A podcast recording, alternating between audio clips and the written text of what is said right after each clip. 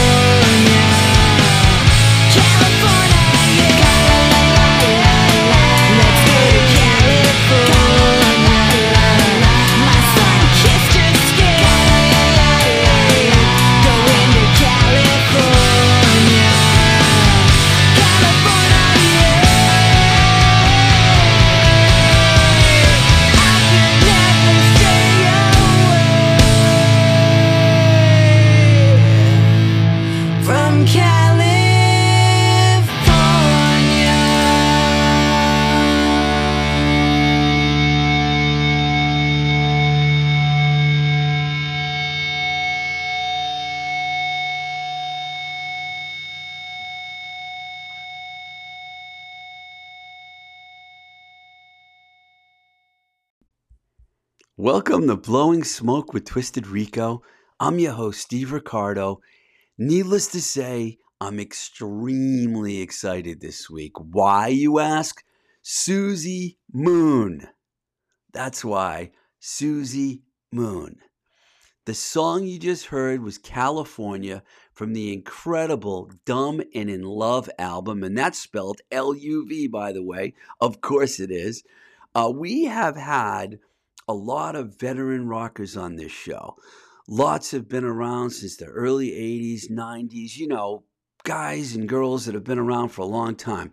Suzi Moon is 34 years old. She started playing when she was 15 when she joined her sister Liza's band in the highly acclaimed West Coast punk band Civet. And after a stint with Civet, she then started the Turbulent Hearts, which essentially was a solo project that changed members frequently, but was still putting out great music that Suzi was writing. In 2020, it seemed to all come together with L.A. Machina, a band that had a buzz before it even had any music out, along with guitarist Michelle Balderrama and drum goddess Rikki Styxx. L.A. Machina was being billed as an all female supergroup and even landed a slot on Punk Rock Bowling. But a few great videos, and I mean great, and one single, and the whole thing imploded. Uh, we do get into that a little bit in the interview because it is a kind of a perplexing thing, but it's also rock and roll, you know? Okay, then it all seemed to click, and Suzi formed a new band simply called Suzi Moon. And the last few years have included two EPs, an amazing album, and a ton of touring. Not only is Suzi an incredible performer, wielding her left handed guitar, I love lefties, by the way. We talk about that a bit in the interview. She's also a superb songwriter a true fashion plate that makes fantastic videos and always looks unbelievably good. And guess what? No stylist. Because I asked her about that. She does everything on her own and she always looks incredible. Just different outfits and it's all part of the rock and roll, man. You know, you got to look good while you're playing and she pulls it all off. So it took a while to make this interview happen, but and it was well worth it. Suzi Moon is on the verge of stardom. And I'm not joking. She has all the tools to take her punk rock dream to new levels. Yes, I'm over here gushing as I'm recording at 5:30 in the morning. By the way, um, I'm over here gushing, and I can't wait any longer. And I know you can't wait any longer. So let's listen to yours truly talking with the incredible Suzi Moon. Hello. Hi. You know, uh, before we get into like all the great, fabulous solo stuff you've done in the last couple of years, I was hoping that we could go back uh, a little bit and talk about some other things in your life to get started. Like, I know you grew up in Southern California, I think Long Beach. Yeah. What What was it like growing up there for you? Oh, it was so much fun. Long Beach is, or at least was, I don't know how it is these days, but a great place to grow up. You know, we we were at the beach every weekend, um, longboarding, you know, skateboarding, surfing, all that good stuff. Just, you know, a lot of cool activities to do. And uh, I mean, it's, uh, the area I grew up in was very much a suburb. So, you know, you just walk to your friend's house and get in trouble. It was a really fine childhood, you know, like I, I don't have like a lot of negative kind of feelings towards that. And I feel very blessed to have had a good childhood. When you say it was the suburbs, so you weren't right in Long Beach. You were like I lived in LA for 14 years, so I kind of know the area. Orange County. Uh, no, because Orange County is separate. Long Beach is still a part of Los Angeles County. Right. But Long Beach is massive. So you've got downtown Long Beach, you know, where there's uh, Pine Street and Ocean and uh, a lot of more like skyscrapers, big buildings, and stuff Right. like that. But then you get closer to say Cal State Long Beach, which is where my family lived, and it's it's totally suburbia and um, just a lot of single family homes, schools, churches. Like I know that your sister, I was going to talk about her. It was a music is a musician also. What what was it like? Your family was your family very musical or in entertainment, or was it just your si- Liza? Liza, right? Yeah, yeah. older sister Liza. Um, well, my mom loves rock and roll, and she's always been a badass in that way. She grew up in Northern California, um, outside of Oakland and San Francisco, so she was actually kind of a part of that punk scene around there. And um, she just loved rock and roll, was always going to concerts, um, taking us to concerts, but she doesn't have a musical bone. Uh, she's more of an appreciator Mhm. of that. Um, but I mean, we had great records in the house growing up, you know, Beatles, Led Zeppelin, ACDC, Black Sabbath. You know, there was always really cool music being played in our house. Um, and actually, it was our stepdad who played drums and a little bit of guitar. So those instruments were in the house when we were growing Oh. up. And that's really what got my older sister started on guitar. You know, she picked it up one day. And then that led to her teaching me how to play guitar. so um yeah, um very lucky that we had access to that stuff because you know, if it's not around, I guess you really have to seek it out, you know, and I was always involved with uh sports at school and just being really active and my sister is more like the studious type so she took to you know really focusing on an instrument whereas I was like oh so you say if I learned guitar then I get to get dressed up and go to shows and be cool. Um, so that was more of my motivation at 15 to learn how to play the instrument was more like a means to an end, you know, just to have exciting stuff going on in my life. Um, but I have much more of an appreciation for the instrument now. You, you mentioned, I'm going to ask you about that because I know you're a lefty, but I, am going to save that for a second. Um, when did you start to get? I mean, you mentioned the classic rock and all that. When did when did the punk come in? Was that because of Civet? Civet was your sister's band. Was that when you all of a sudden became more in tune to like, oh, maybe punk is my thing? You know? Yeah, it's weird because punk just it just kind of was there um, from a very early age because my sister and I are five years apart. Oh, She she was already into that stuff by the time I was 10, you know, and so I was just hearing it. Um, it wasn't like this is punk, this is something different. It's just, oh, we're listening to the cramps today, or oh, we're listening to uh Duane Peters, you know, but um it wasn't just punk being played in our house, nor was that all that my sister listened to. And still to this day, I would say I listen to a lot less punk rock than I do other genres of music.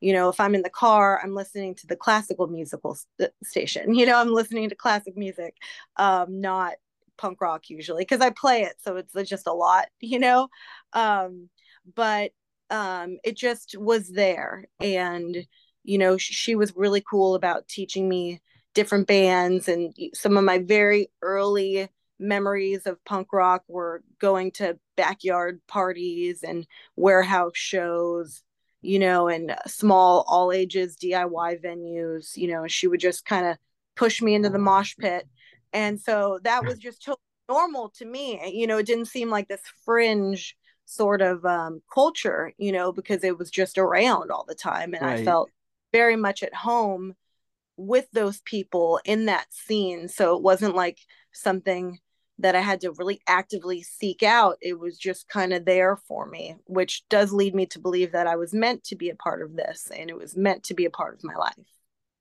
Uh, it's really interesting to me that you're left-handed, and I have to talk to you about this because I was wondering if you realized that right away. Did someone hand you a right-handed guitar and you realized, wait a second, I can't play that. I need a left-handed guitar. How did that all happen?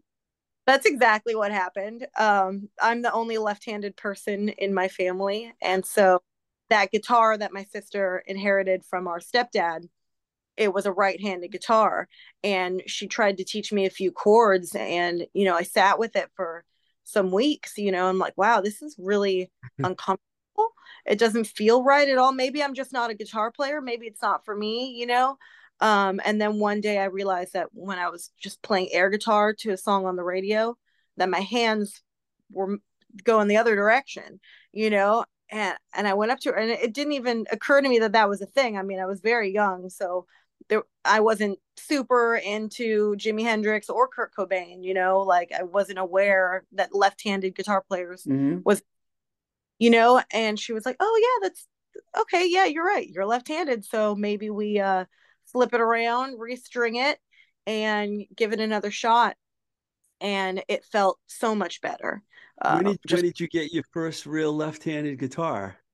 when I was 15, my mom took us to the local music store and they had one option for Oh, lefty, which still to this day, every time I go into a music store, I kind of take a look around and I'm like, mm-hmm, one option.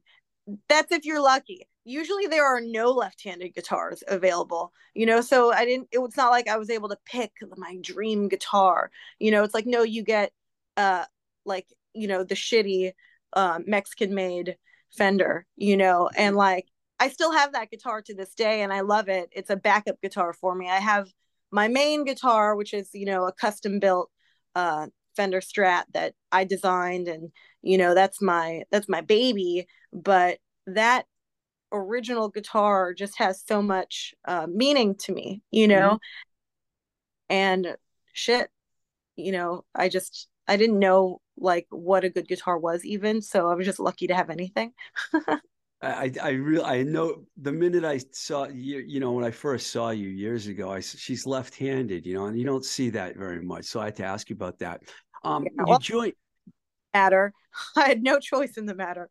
You know, become, you know, it's it's just it's not something I think about as being cool or unique or special. It's just the way I'm built, you know, and I play guitar just like everybody else, probably worse than most. I wouldn't say that.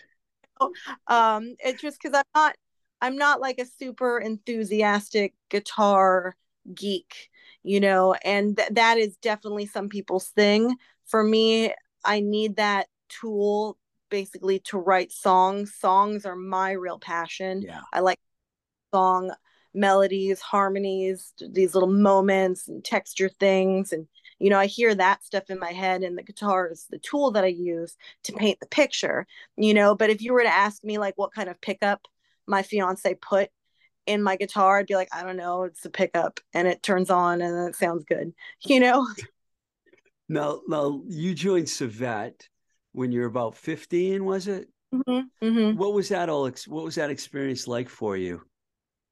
Oh, it was awesome. You know, uh, like I said, that was just normal to me. You know, um, my sister had already had the band for five years by the time that I joined. So she did a lot of groundwork as far Mhm. as songwriting and getting the name out, you know, enough to have consistent shows to play.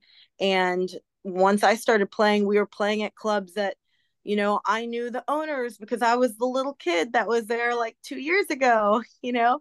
Um, so I just I loved everything about being in Civet though. Um, as far as like the girl group dynamic, Mhm. really fun to share um to share that experience with other women and like I love the boys in my band now and I I really just get along so well. I get along well w- with both, you know, but um there is something very special about about getting dolled up together and sharing this kind of like special secret little like group, you know, and it's like you against the world, this little crew um, so I had so much fun and getting to tour with my sister is so special. And uh, there were a few times where we took our younger brother on tour with us too. So you've got all three kids Nice. touring together. Um, and my mom was always very supportive of the dream and encouraged us and definitely funded things when money was tight and helped out in that. But she's just always completely believed in me. And um, so, yeah, I learned a lot, you know, just more like the business side of being in a band and how to be a professional and what things are going to get you uh, not asked back to perform at a club or to work with certain people, you know. Um, so just from a very early age, I was kind of thrust into a professional setting. And I appreciate that side of music because it's not, it can be fun and games. And some people do see it as a hobby, but other sorts of artists take it seriously. It's their livelihood. And that's how I've always approached it. And you know, then uh, after Civet, Turbulent Hearts, which you had a really good run with that band. Um, uh, the the cra- I remember the Crazy Girl video, and I was like, yeah. wow. this is good. Cool. I- And that Yeah. song, I Don't Do It For You, I still have that on playlist, you know. So I really that- like that band.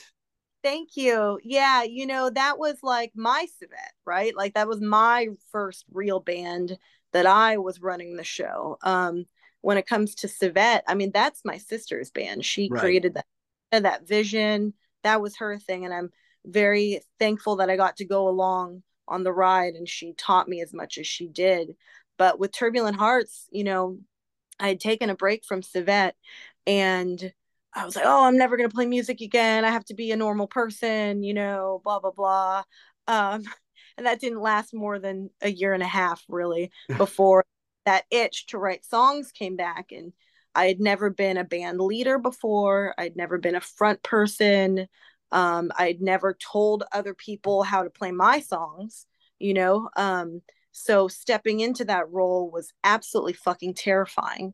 And I'm so thankful that I got to play with Mark Johnson and Jay Skoronik. They were my core group in Turbulent Hearts. We had a few um good like fourth guitar uh, second guitar players, fourth members come in and out of the band, and that just didn't ever seem quite right. We were definitely a three piece, you know, and that was a band where like I just got to learn so much and really experiment with my songwriting. Those guys were always down to try any kind of song that I wanted to. And that's why there's a lot of variation in the Turbulent Hearts uh, discography, is because I was throwing spaghetti at the wall and seeing, you know, if that worked and if that represented me and like what what am I capable of? And there was a very like safe environment to just try whatever, you know. Um, and also get a lot of experience being a front woman and commanding the stage, you know, and um, running the band all on my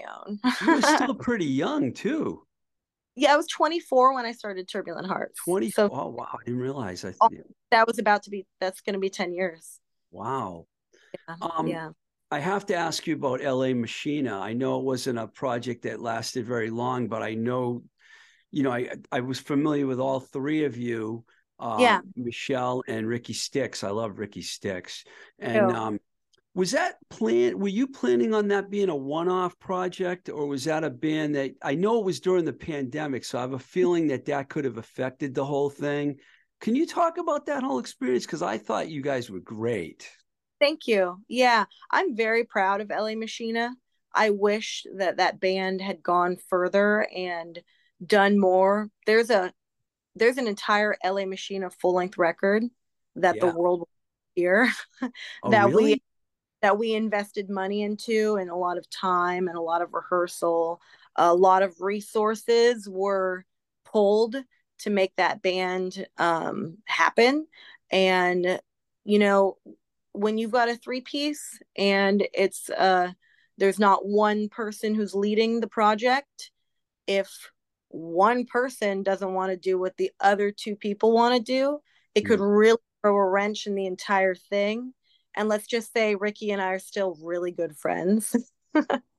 Uh, rikki and i are very close and we will always be close you know but um we we put everything we had into that band and it was really depressing when somebody pulled the plug on it. So you know um it was a great experience for me again going back to playing with other women was so much fun i was just thinking about this the other day how much fun i had with la machina and coming up with i was more on the the visual side of the, the concepts you know like the album art and the um the makeup and the the all the online imagery and all of that stuff. You know, everyone kind of had their role that they played. Rikki is just a fabulous businesswoman and really knows how to like crunch numbers, look at things, do things in a really smart way. And Michelle is a very talented songwriter and enigmatic person, you know, and in a perfect world, we could have done something bigger than what we did, but I'm not going to fight God on it. You know, he had a plan and where I am now, I think is actually exactly where I'm supposed to be. And that was a really good palate cleanser between Turbulent Hearts and Suzi Moon. There was enough time where it wasn't like, it's all about me and now it's all about me, but I changed the name back to my own name. And like, you know, it was just like a really nice thing to break up uh, being a, a band leader and joining something where I was a part of a group again, you know, in in a different way. And I got to play bass, which is so. yeah, I was going to ask you about that. Yeah, uh, those, those those videos, uh, Highway of the Night and Go. Yeah. Really, really good videos. I mean, do we when you said that the visual part and stuff, that was you. Did you have a lot to do with the videos? Because I know Actu- you love videos. I do love videos and I do tend to take control on projects like that.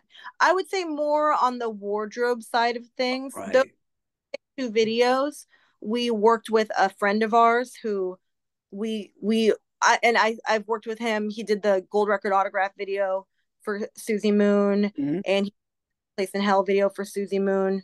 Um, but he's the kind of guy where you let him take his ideas and run with them because he's just incredibly talented. And um, again, you know, it was just one of those things where a lot of stuff moved very quickly with LA Machina.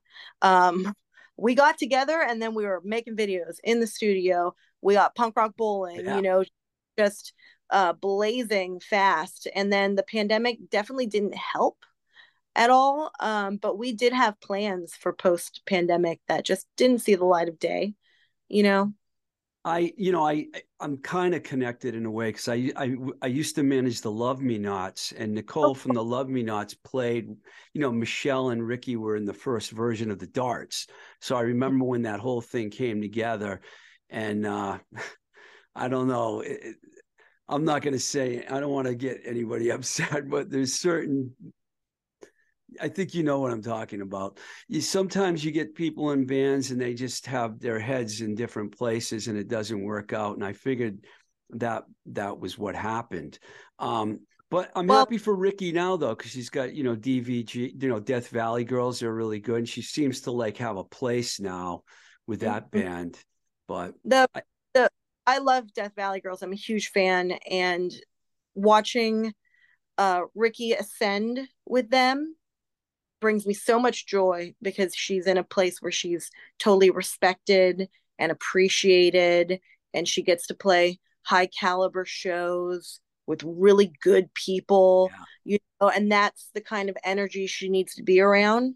And you can't you can't really be a shining light when you're around people that want to bring it down and aren't shining themselves you know and um i just think that both rikki and i we we are where we're supposed to be and we can only wish the best for people who might not be where i couldn't i couldn't avoid la machina. I had to bring it up. Oh that's fine. I have absolutely no problem talking about it. I mean i'm very proud of that project and something that most people don't know is that you know michelle wrote half of the songs and then i wrote the other half of the songs. And i ended up taking back um, some songs that we had demoed together and those became the first suzi moon release. And that's why rikki styxx plays drums on all the three songs on call the shots. Yeah. Because those were la machina recordings. You know we had gone into the studio to do that and la machina was um, talking with pirates press records about putting out the full length you know we had realize that was a pirate press company. That's cool. That's my favorite mug. It holds so much coffee it's just perfect. Uh, you know and when la machina started to fizzle out lo and behold uh, pirates press records their favorite songs from the la machina record were the songs that i had written. So they said well w- do you want to do this and i was like oh god this is not something i'd prepared for at all not at all what I- i was expecting to do um, but it just seemed totally divinely guided that they liked what I was doing a lot. And Rikki gave me her blessing with her her drum tracks and said, "Get that shit across the finish line," you know. And let's not waste those recordings and that money and that time we spent. And I love you. And I was like, I love you, you know. and um, you know, and shit, it just came together in a really organic way. um you have really great fashion sense which you know this this i usually take the zoom uh interviews and put them on youtube so everyone will see that you, I- you know I, I, was was it always your plan to to to deliver the image with the music as you headed down the solo career path because it seems like you've gotten more fashionable as not to say that you never were not because you've always have been but now you've really taken it to the next level Thank you. Um, well, I appreciate you noticing that because I think it is important to have a strong image for any musical group, whether it's an anti fashion sort of statement or a super fashionable statement. You know, it's a, it helps to kind of connect the dots for the listeners and the people at the show, you know, and um, give them like a more fully kind of well rounded idea of what the project is about. Um, I had, fuck, those years I was in Turbulent Hearts, I was trying so hard to be like everybody else, wearing sneakers and jeans mm. and on stage. I felt fat and ugly and uncomfortable and not good. I look back on some of those turbulent, heart. those are some of the worst outs, outfits I've ever worn in my entire life. And you'll see sometimes where I'm trying to kind of marry the two, you know, a little bit of like, I would dress up very glamorously any other night of the week if I was going to a concert or going out with my friends or whatever. That's always been my way. But when it came to getting on stage, I felt like I had to go in the opposite direction to be taken seriously as a punk rock and roller, you know, and um, something just kind of clicked. And actually, I would say that the pandemic really helped me in that sense because taking a step back from like the social pressures of like, oh, this is what I feel like people want to see a woman with a guitar wearing, you know, uh, and just actually kind of going back into my bubble a bit and creating a lot of the Suzi Moon solo imagery and videos away from the real public eye you know i was still in this like little bubble of mine um i was like well there's no turning back because i've fully embraced who i've always been you know? And um and even still with Suzi moon it took me a good year to really kind of like dial in exactly what i've always wanted to be on stage but still finding that confidence to you know allow like my true self to shine. You know ever since i was a really little kid you know i was obsessed with old hollywood burlesque pinup girls fashion you know i just pouring over vogue magazines you know but um then you see people like uh Duane Peters and Corey Parks, who were this awesome punk rock couple in Die Hunns, you know, and Civet was signed to Duane's label, Disaster Records, and I remember them showing up in all these like custom spray painted clothes and stuff, you know. So there's kind of like this mix of like punk rock, um, like and everything I I sew myself, you know, and it's not done on a machine. I crudely sew by hand, you know, and I'm pinning things here and pinning things there and deconstructing things and you know putting them back together and um so there's like yeah my own kind of personal mix of like high fashion and like gutter glitter like rock and roll stuff and i guess it's true what they say about like when you hit your 30s you kind of just understand yourself a bit more you know as you get older that mm-hmm. happens mm-hmm. and i really just feel like i'm really truly like have come into my own in the last couple of years and i i just feel at peace with who I am and how I like to present myself, and it makes me feel good. I'm a big fan of the English glam uh, scene from the early 70s, you know, Bowie, Queen, Mott the Hoople. So, you know, I appreciate fashion. and, cool. you know, and I've, you know, any band I ever worked with in my life, I've always said, you know, you just, you, you don't have to just wear jeans and t-shirts. Come on, make it. I like costumes. I like outfits. So I appreciate what you're doing very much. And there's a for people out there listening, there's a lot of videos on YouTube of Suzi that you can see all these outfits, and very rarely do I see you in the same outfit. No, you probably won't. I, I I would never rewear an outfit in a photo or video shoot. I might cut it up and change it and make it totally different for the next time. But I've always been that way. Um, even in Civet, I was very um, like just a hyper aware of um like costumes and stuff and we did have a cohesive look in Civet. It was uh kind of like a 50s sort of like girl gang thing with the Mhm. pencils. I guess when I did start Turbulent Hearts, a lot of me was really rejecting that too and going it completely in the opposite direction. You know, it's like it's like um what is that? Um that fairy tale with the three little bears or whatever, or whatever. She's trying to you know what I'm saying? It's like the porridge one, where it's, it's not too hot, not too cold, yeah, you know, yeah.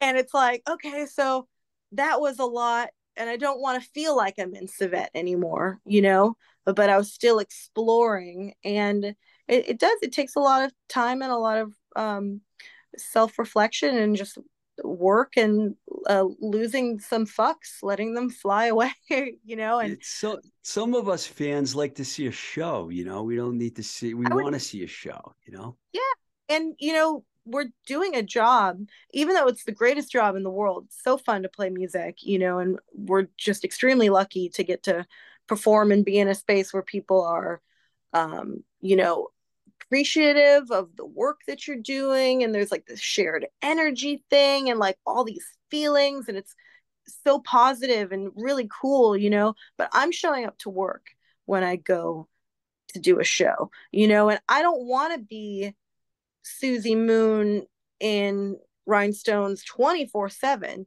I would go fucking crazy, you know? So there's like, there's now there's like this kind of separation where I, I get into costume and then I'm ready for the show, like mentally, you know? It's like, it's really, it's been really good for my mental health in the last couple years is to kind of separate the two, you know? I love it. The last two years, okay, two great EPs, and now you've got this great full length, Dumb and in Love. You must be pretty happy with the way you're being treated by Pirate because you're doing a lot in two years. That's pretty good. That's a lot. Yeah, thank you. They are just the best fucking label. And I like I'm just so grateful for them because they've really encouraged me. Um, especially Vique, Vique Martin, who's at the label, and she's really the one I'm in the most contact with, and we talk every couple of days. You know, she right from the get-go was very supportive of the direction I wanted to take this, you know, and that I I was doing something a little bit different visually and she was like fucking go for it. Like I'm so into this you know like just do it. And I was like oh okay. It's not too much? Okay. All right. You know and just to have that support from your label instead of them telling you what you should be looking like or doing or releasing. You know I've just had their full support and um they're just really good people. You know at the end of the day they're just really good people who believe in punk rock and are doing their part to give back to the punk rock community as a whole. Yeah. you know and um i mean how pirates we're pirates. It's so freaking cool. You couldn't be with a cooler crew you know? And um it just feels like the right place to be and i want to make them proud and do good work so they're not wasting their fucking time you know The, the next couple of things I want to talk to you about are pretty related. Now, the song in the video for California, Mhm. really, really good pop song. I mean, do, do you do you see yourself going in a more popular direction, or did that just happen? How did that all happen? Because you have a lot of really loud, aggressive songs. And then when I heard California, I was like, holy shit. And then I saw the video, Mhm. blew me away. Cool, cool. That's really nice to hear. Um, I've always loved pop. You know, I'm I'm gonna be 34 this year, so when I grew up, Spice Girls and Britney Spears were pretty much the biggest artists in the world, Mhm. and I love them, you know, and I still love them. I appreciate a great pop song. You know, it's that there's that magical thing. It's like how do they how do they make it so damn catchy? You know, um and my entire journey as a songwriter has been about finding that confidence, right? To just be the artist that I am. Um I'm I never sit down and consciously go, I'm going to write a poppy California kind of like hit sounding thing. You know, for me, I don't think I'm really all that special, and no musician truly is. The songs are up there. You Mhm. know, you tap in or clock in to work and if you're kind of on that level um ideas will come to you you know and with the song california it came to me while i was running laps around the rose bowl in pasadena you know and you you don't turn a melody like that away you know um that's just rude the music gods don't like that stuff you know? And so it's my job to see it through and to do the best i can with the ideas that are given to me you know? Um and i think it would have done the song like it wouldn't have done the song justice to try to toughen it up you know? It's just not that kind of song. There's a time and a place for cheesy and cheesy makes us feel good you know? It doesn't need to be all really heavy and dark there's a time and a place for that too just as easily as california came to me so did the song animal and they really couldn't be more different Yeah, but when a exactly. you know when a when a song comes to you it's your job to follow through and to do the song justice you know um i love doo-wop classic rock you know psych rock garage rock pop music you know it's just all across the board i just appreciate a great song you know so i wouldn't say that there's a limit on what i can do it would be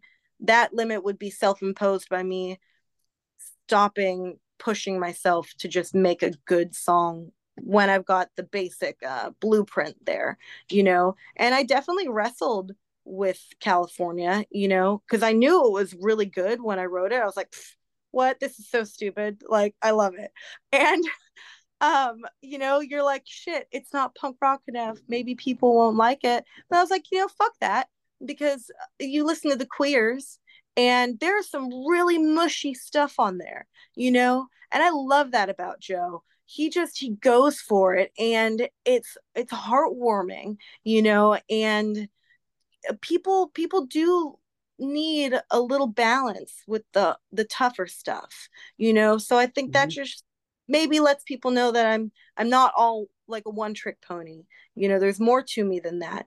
I wouldn't say that i have any plans to like um focus on one particular style and let that guide me. It's more like you know i just have to write what's good and then they'll fall into place as far as like a track listing or an album goes you know but um yeah not consciously trying to be more poppy or anything like that just trying to be as my mom said just try to be the best suzi you can be you know and so that's what i'm doing. I thought it was interesting that you wrote a song California from and you're from California because I remember when I was a teenager growing up in the Boston area and Yeah. I I all I thought about was me and my friends like we got to get to California and I ended up moving to LA and working for record labels my whole life and when I got there in the 80s it was like it was the greatest place in the world so I being a Californian to write the song is what I was like wow it's interesting you would think someone from the Midwest would write a song like that you know but I'm writing it from the midwesterner's point of view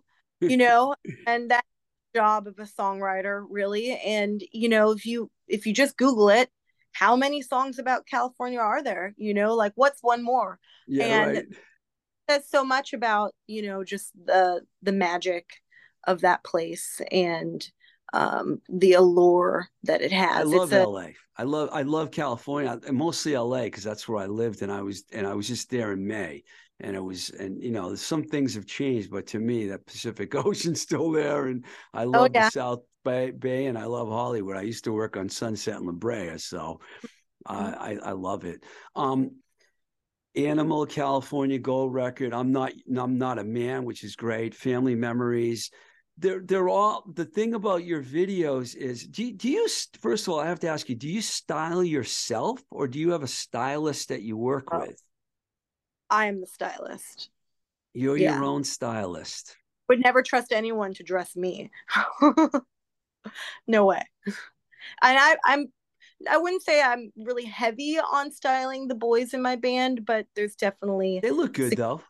suggestions and influence thing is i don't want to i don't want anyone to ever feel like not themselves you know and that's the important thing about style is really just highlighting and emphasizing like those uh kind of extra parts of you you know and just like turning it up a little bit making it a little louder i tend to go really loud and the boys don't feel comfortable being that loud, but that's okay. You know, they look good in much simple items. I'm so jealous of them. They have it so fucking easy, you know. Um I always said if I was boy, man, uh, it would be so cool. Like boys, you guys just you got you got like the classic thing, you know. You don't have to do that much, and you just look so cool, you know. Um, that being said, I do love being a girl because it gives me all these options for different stuff. But you know, um, no, I've never worked with a stylist ever, and I don't see that working because I just have a very strong opinion about the way I want to look. Uh, your band, by the way, is very good. I just want to say that. I mean, I've watched so many live videos of you guys, Cool. and it's always consistently fantastic. Um, Yeah, they're great guys, really, really talented. speaking of live, um, I you mentioned the queers a few minutes ago, and that you have a bunch of dates with them. And Mhm. so you're no, I didn't realize this until this morning when I looked at the schedule. You're going to be out with the queers, and then you're going out with Agent Orange, and there's not very much time in between. You're Hmm. basically going from one tour to the other. Did did the Agent Orange thing just drop down on your lap after you already had the queers thing booked? I mean, how did that? Actually, it's the other way around. The Agent Orange tour has been booked since last summer. Oh, okay. Yeah. Yeah. And then I was like, oh, I need time off. We've been on the road all year. We're not going out at all until the Agent Orange tour starts, right? And then Joe was like, You guys want to do some dates with us? And I was like, I can't fucking say no to you, you know? So uh, we would, any, we love playing with the queers, and Joe is just such a cool dude. I love being around him, and he's got a really great fan base that he's built Oh yeah. people who appreciate songs talk about people who really get the music and are listening to the songs well as like the live show you know um because he's a song dude. And so yeah the the queers tour kind of like shortened our time off period. And then we're not coming home in between those two tours. We're going to book shows to lead us out to the agent orange tour. It makes no sense to drive all the way back to the east coast and then back to Arizona where the Agent Orange tour starts. Um, and then basically the Agent Orange tour will end and we're going to fill up the week and a half between that and Punk Rock Bowling. So really we're leaving for tour on March 26th and I won't be home until about June 5th. Yeah, I was going to ask you about punk rock bowling. That was a huge score for you. Yeah, yeah. Again, super blessed and uh, I wasn't sure if they were going to write us back, but they did. I thought I, I thought I really blew it with LA Machina. Yeah, did, Uh, was there actually? I mean, uh, was that an act? Was there an actual date at Punk Oh, yeah. Rock Bowling? Mhm, Hmm. mhm. Because I thought it was a, it wasn't remote. It was actually you were there, Uh, no, we didn't actually get to play because the pandemic right? So shut it all down. We did uh we did like a studio performance yeah, that's for yeah. online that they did, but then we were going to be rebooked for the next year, and then I had to tell them that we didn't exist anymore, and I just wasn't sure if they still liked me after all of that, you know. And then I kind of had to earn my stripes Mm. again with Moon and have something um something to show them, you know, because for me it's been uh, punk rock bowling is just at the top of my list. Yeah. It's like it's the it's the coolest and most important punk rock festival in the world. I, I feel really, really strongly and similarly to Rebellion Festival. I would say that they're almost like twins, you know, twins in different countries. Um, and Rebellion is like family to me, but I've only played punk rock bowling once. I've been a bunch of times, you know, growing up and seen some of the most important shows I've ever seen there. But to but to do that festival is like a really big accomplishment for me and it was a huge goal. It was pretty much the only goal i had for suzi moon band was to have a really good slot at punk rock bowling and we have that now you know and now it's like ah it's real. You know i'm like already working out for the, like at the gym for punk rock bowling which is so far away but you figure i'm in for on for like two months you know? So it's like you have to plan so far in advance and i still don't know what i'm wearing you know and like blah. But um i'm really excited and i just i love what they've done. I think the festival is just like a really cool place um, a great place to make memories and for people to be exposed to new bands you know? So um and it's where i met my future husband. So in 2019 when turbulent hearts played there um my now fiance his band out of dc called the split seconds they were another band on that smaller stage we played about an hour apart and he and i got to talking about music and we realized that we we loved all of the same bands but like more than that we just kind of were like the same you know Right. you know Yeah. and I was like, so refreshing because literally there is nobody cool in LA. like I've been here my whole life. You know, I just you know, like of course the man that I love would be from a totally different state across the country, you know, and we just have been inseparable ever since. So he plays guitar in Suzi Moon, it's Drew Champion, and we decided to join forces and really this band would not be what it is without him. Um, he lends so much with his guitar playing and oh takes yeah, great. Takes shit off of my plate that I was trying to do in Turbulent Hearts, trying to do a little everything, and it's just too much work, you know. And he handles a lot of the business stuff and uh, is more the analytical side, whereas I'm a little bit more of the right brain side, you know. So we complement each other really well, um, and just to to have that built-in support and somebody who's like you know um rooting for the band and working for the band you know and we have that built-in thing together Do you guys self-manage yourselves or do you have a manager? no we uh i mean the last time i had a manager was with Civet. so it was So you've long been doing it yourself. yeah yeah we do have a booking agent which is a huge help and pirates press records they do a lot of stuff in-house that takes um you know responsibilities off of my plate um so it's it's a mix of diy but there's also a very important team you know our booking agent and the label they do so much to help push this forward Just one last thing, because you're Oh, awesome. You've been so cool. Um, when, when you're done with all this touring and everything, do you plan on going back to the studio? you know every band wants to get back in the studio and then another phone call for a tour comes up like shit do we go out and make money or do we stay home and spend money? Mm, and um we haven't played everywhere yet. I know it seems like we've been on the road a lot for two years but that's not enough to you know to have played these songs to everybody yet. You know there are still a lot of places that we haven't been to um, which is why i'm really grateful for both the queers tour and the agent orange tour because we're playing uh, more of the south and the southeast new cities that we haven't fucking been to yet you know? So even though to me it seems like oh my god we've been playing dumb and in love for two years you know but they haven't seen it you know? So i i do owe it to people who haven't gotten to see us perform yet to still perform those songs that are fresh to people you know? Um I I've ha- kind of thrown some ideas around. I keep notes in my phone. I've got little melodies and things and stuff there, but I just really haven't had time to sit down and focus on writing. So, I mean, eventually it'll happen, but I'm not in any big rush to do it. I just thought I'd ask. I mean, I could see you guys ending up being on the road all summer long. Summer's the We all- best time to tour. We're So. all- We're already not going to be home until September, pretty much, because after Punk Rock Bowling, we'll be home for about three weeks before we go to Europe for two months. Europe's next. Nice. Yeah.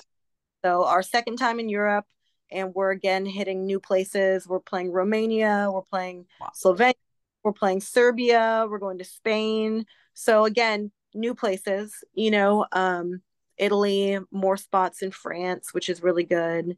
Um, and then we're going to be home uh, around August 15th. Um, and we've been submitted for a really big tour that starts late August. And, you know, if uh, it's meant to be, we'll do that, you know. But right now, I just have to keep saying yes to the shows because that's what's getting us in front of the people who are gonna want new music, you know. So it's like, it's really like, I had the pandemic to work on music and everything leading up to that, you know, first Call the Shots record coming out and our first tours in 2021 but now it's like time to do the work out in the world you know and really um just uh, make the most of the investments that we made on the recordings and stuff and kind of balance things out. I get it. Hey, thank Yeah. you very much for taking the time to talk to us. I love your music. I'm a huge fan, and I appreciate you being here very much. You are just a lovely interviewer, and I had a lot of fun. Thank you for asking some thoughtful questions and spending some time with me. All right. All right. Good luck to you. Okay, thank you so much. Have a great day.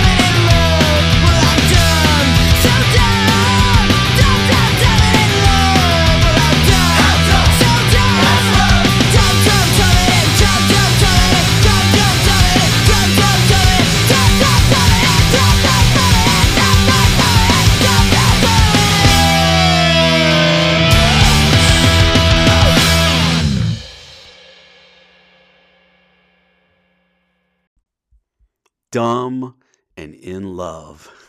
The title track from the 2022 album on Pirate Records. Suzi Moon, man. I really dig Suzi Moon, if you couldn't tell already.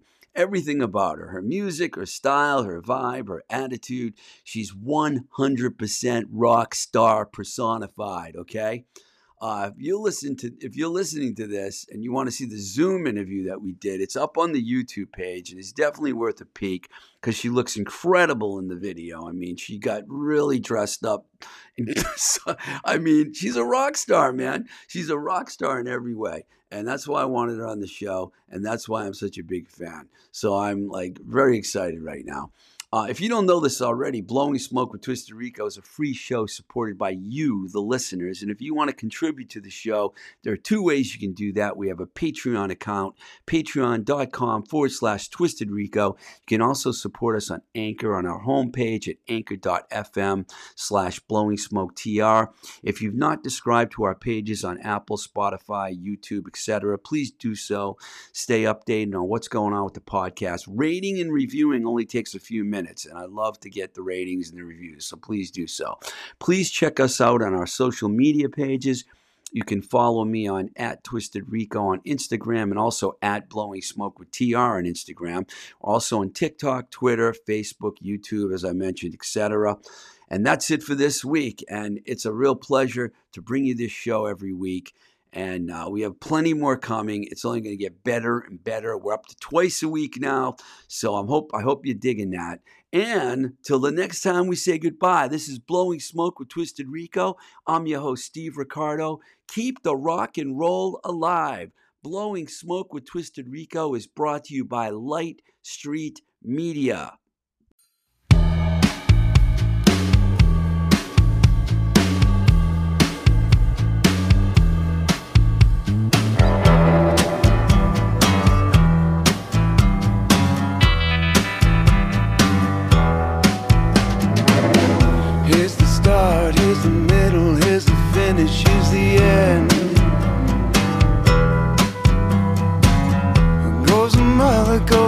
Father, goes the wife, stays the friend.